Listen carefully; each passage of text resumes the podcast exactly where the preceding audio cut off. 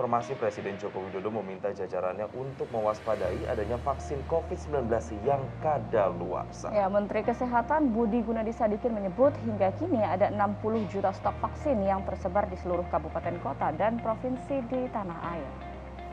Hal ini disampaikan Menteri Kesehatan dalam keterangan pers usai rapat terbatas bersama Presiden Senin sore kemarin. Menteri Kesehatan memaparkan bahwa vaksin yang dimiliki Indonesia hingga saat ini mencapai total 276 juta dosis. 267 juta dosis di antaranya sudah didistribusikan, di mana 206 juta dosis sudah digunakan. Menurut Menteri Kesehatan, Presiden Joko Widodo menerima laporan adanya vaksin kadaluarsa di sejumlah wilayah seperti NTT, Jawa Tengah, dan Yogyakarta.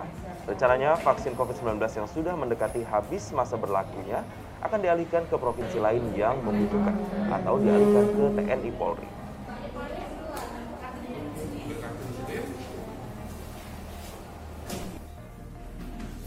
Alhamdulillah sekarang sudah 216 juta suntikan yang diberikan ke 130,6 juta rakyat Indonesia. 84,5 juta sudah mendapatkan vaksinasi lengkap. Jadi dari target populasi yang 208 juta orang yang harus kita vaksinasi, 62 persen sudah mendapatkan vaksinasi dosis pertama dan 40 persen sudah mendapatkan vaksinasi lengkap. Ya. Vaksinasi kita juga terus bertengger antara 1,6 sampai 2 juta suntikan per hari dan diperkirakan sampai akhir tahun ini mungkin bisa mencapai total suntikan 290 juta sampai 300 juta suntikan dengan perkiraan untuk dosis 1 161 juta orang atau 78 persen dari target populasi dan proyeksi dosis 2-nya bisa mencapai sekitar 118 juta itu mendekati 60 persen ya, dibandingkan dengan target WHO yang akhir tahun diharapkan 40 persen lengkap di dosis kedua. Bapak Presiden juga menekankan bahwa tolong hati-hati dengan vaksin kadaluarsa. Jadi beberapa provinsi yang uh, laporannya sampai ke beliau seperti misalnya Nusa Tenggara Timur atau juga dari uh, Jawa Tengah itu memang perlu uh, Yogyakarta perlu diperhatikan agar vaksinasinya jangan sampai kadaluarsa. Kalau misalnya sudah dekat-dekat kadaluarsa, mungkin kita bisa mengalihkan ke provinsi-provinsi lain yang masih membutuhkan atau kita bisa alihkan ke TNI dan Informasi lainnya, pemirsa Palang Merah Indonesia DKI Jakarta menggelar apel kesiapsiagaan dalam menghadapi dampak lanina yang diperkirakan akan melanda Jakarta. Dalam apel yang dihadiri oleh Gubernur DKI Jakarta, ditampilkan juga simulasi penanganan bencana dampak dari lanina. Bertempat di Waduk Pluit, Penjaringan, Jakarta Utara, apel siaga menghadapi dampak lanina digelar oleh PMI DKI Jakarta. Seperti yang sudah disampaikan oleh BMKG, badai lanina akan melanda beberapa wilayah Indonesia, salah satunya DKI Jakarta. Dampak lanina akan menimbulkan cuaca ekstrim seperti hujan lebat di wilayah yang dilalui badai lanina. Oleh karena itu, berbagai skenario penanganan dan evakuasi korban lanina telah disiapkan oleh PMI DKI Jakarta. Salah satunya dengan menyiagakan personilnya serta berkoordinasi dengan unsur terkait. Gubernur DKI Jakarta Anies Baswedan berharap agar semua pihak turut serta dalam mengantisipasi dampak dan penanganan pasca terjadinya lanina.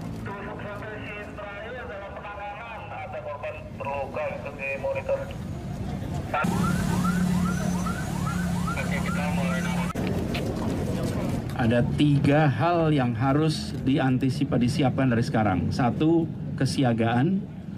Dua, tanggap. Tiga, galang. Tiga hal itu yang harus dikerjakan ketika kita memasuki waktu-waktu di mana ada resiko bencana alam. Ya, banjir itu terjadi di semua wilayah. Karena itu saya berharap kesiapsiagaan ini juga pesan kepada semuanya bahwa ya di Jakarta kami bersiap, tapi yang dihadapi Jakarta bukan hanya oleh kota ini, tapi semuanya. Kemudian yang kedua, ketika curah hujan melampaui kapasitas, maka semua bekerja untuk melakukan evakuasi, menyelamatkan semua warga.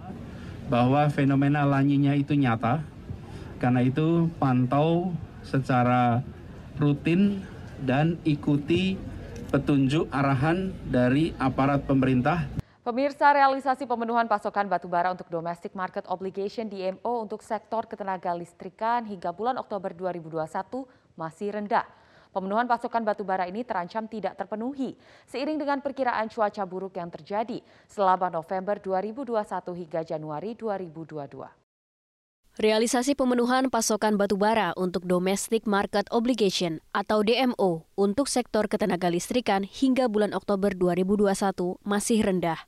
Direktur Utama PT PLN Persero Zulkifli Zaini dalam rapat dengar pendapat dengan Komisi 7 DPR hari Senin menjelaskan hingga Oktober 2021 realisasi pemenuhan kebutuhan batu bara untuk ketenaga listrikan mencapai 93,2 juta metrik ton Angka ini terbagi untuk kebutuhan PLTU milik PLN sebesar 55,5 juta ton dan kebutuhan PLTU Independent Power Producer atau IPP sebesar 37,6 juta metrik ton. Sementara kebutuhan pasokan batubara untuk ketenaga listrikan hingga akhir 2021 mencapai 137,2 juta ton.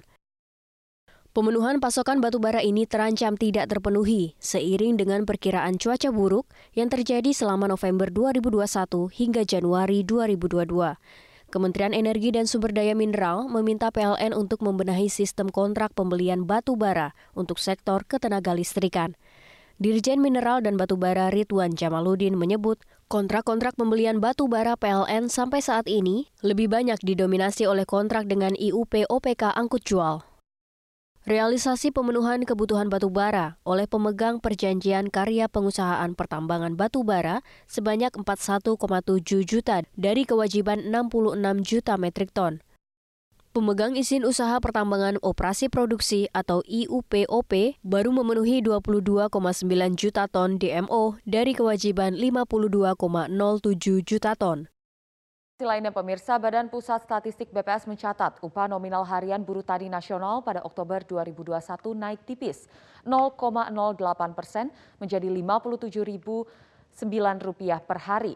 Sementara upah buruh bangunan secara nominal naik menjadi Rp91.290 per hari dari bulan September sebesar Rp91.226 per hari.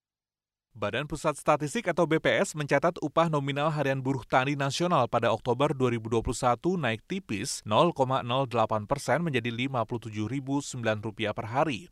Namun upah real buruh tani turun 0,01 persen jika dibanding bulan September.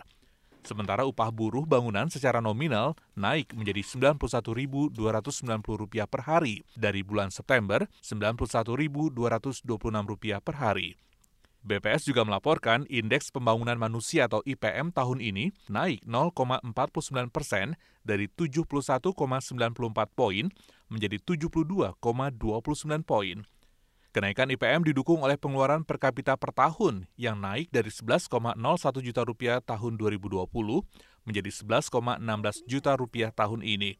Kepala BPS Margo Yuwono menyebut IPM yang berada di atas 70 menunjukkan level yang tinggi. Ini kalau dilihat dari dimensi penyusunannya, ya ada tiga dimensi di sana. Ada dimensi kesehatan yang diwakili oleh indikator umur harapan hidup saat lahir, ya di tahun 2021 itu angkanya 71,57 tahun. Ya, jadi artinya setiap bayi yang lahir hidup tahun 2021 ini mempunyai peluang hidup ya itu sebesar 71,57 tahun ya. Sedangkan dimensi yang kedua ada dimensi pendidikan. Margo Yuwono menjelaskan angka IPM diukur melalui tiga indikator, yaitu ekonomi, kesehatan, dan pendidikan. Indikator pengeluaran per kapita juga digunakan untuk menggambarkan standar hidup layak penduduk.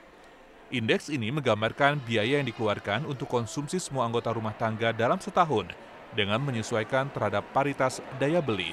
Pemirsa, ekonomi Indonesia berangsur pulih setelah pandemi COVID-19 terkendali. Dalam masa pemulihan ekonomi ini, investasi melalui instrumen saham dan properti masih dinilai menarik oleh Badan Pengelola Investasi dan Perencana Keuangan. Berikut informasi selengkapnya untuk Anda. Ekonomi Indonesia berangsur pulih seiring dengan terkendalinya pandemi COVID-19. Dalam masa pemulihan ekonomi ini, Direktur Utama BNI Asset Management, Putut Endro Andanawarih menilai investasi melalui instrumen saham menjadi pilihan yang menarik. Putut memprediksi pertumbuhan dalam investasi saham bisa mencapai 10 hingga 12 persen pada tahun 2022 mendatang. Untuk 2022 ya saya pikir saham bisa ngasih 10 sampai 12 persen dan kita tambah lagi ke belakang dua tahun terakhir itu kan istilahnya saham itu kan selalu underperform dibandingkan fixed income. Nah ini saya pikir mungkin tahun ini, tahun depan itu mungkin lebih ke tahunnya saham gitu, compare sama uh, pendapatan tetap seperti itu. Untuk investasi melalui instrumen surat utang atau obligasi, obligasi korporasi jangka pendek, tenor 3 sampai 5 tahun juga dinilai mampu memberikan keuntungan investasi. Namun dalam investasi obligasi, investor harus berhati-hati menilai kemampuan bayar perusahaan. Eh, korporasi kalau mau nyari istilahnya return itu mungkin ada di obligasi korporasi gitu obligasi hmm. korporasi. Hmm. Tapi kalau boleh pesan lagi, kalau beli obligasi korporasi pun pesannya juga adalah yang mempunyai rating bagus. Karena kondisi kemarin COVID ini ada dampak negatifnya. Karena dengan COVID ini membuat beberapa tingkat kesehatan beberapa emiten itu juga nggak begitu baik. Perencana keuangan Aidil Akbar menilai, selain instrumen investasi saham, reksadana, obligasi, dan deposito, investasi properti juga masih menarik. Apa namanya properti ya? Jadi ini ada uh, uh, instrumen atau wahana investasi yang cukup menjanjikan, tapi memang membutuhkan dana yang cukup besar ya. Kalau memang bisa KPR KPR, karena masih ada beberapa orang-orang yang masih butuh menjual propertinya karena memang butuh uang, apakah itu untuk bayar sangon, apakah itu untuk membayar gaji karyawan gitu ya. Karena kan belum semua bisnis pulih gitu. ya. Ini kan baru mulai bergerak pulih gitu ya. Jadi um, mungkin cash flow-nya mereka masih belum cukup untuk membiayai biaya operasional sehingga masih harus menjual. Nah ini juga berpotensi kalau kita memang mau investasi jangka menengah ke jangka panjang gitu ya. Cuma memang kelemahan dari properti tadi dia tidak liquid, uh, kemudian kalau mau jual ya butuh waktu gitu ya. Meski prospek investasi di berbagai instrumen menjadi menarik di masa pemulihan ekonomi, namun masih ada resiko investasi jika kembali ada lonjakan kasus COVID-19 dan gejolak di pasar keuangan jika bank sentral berbagai negara mulai mengurangi stimulus ekonominya. Masyarakat harus tetap bijak menganalisa resiko investasi dan menggunakan dana yang menganggur untuk berinvestasi.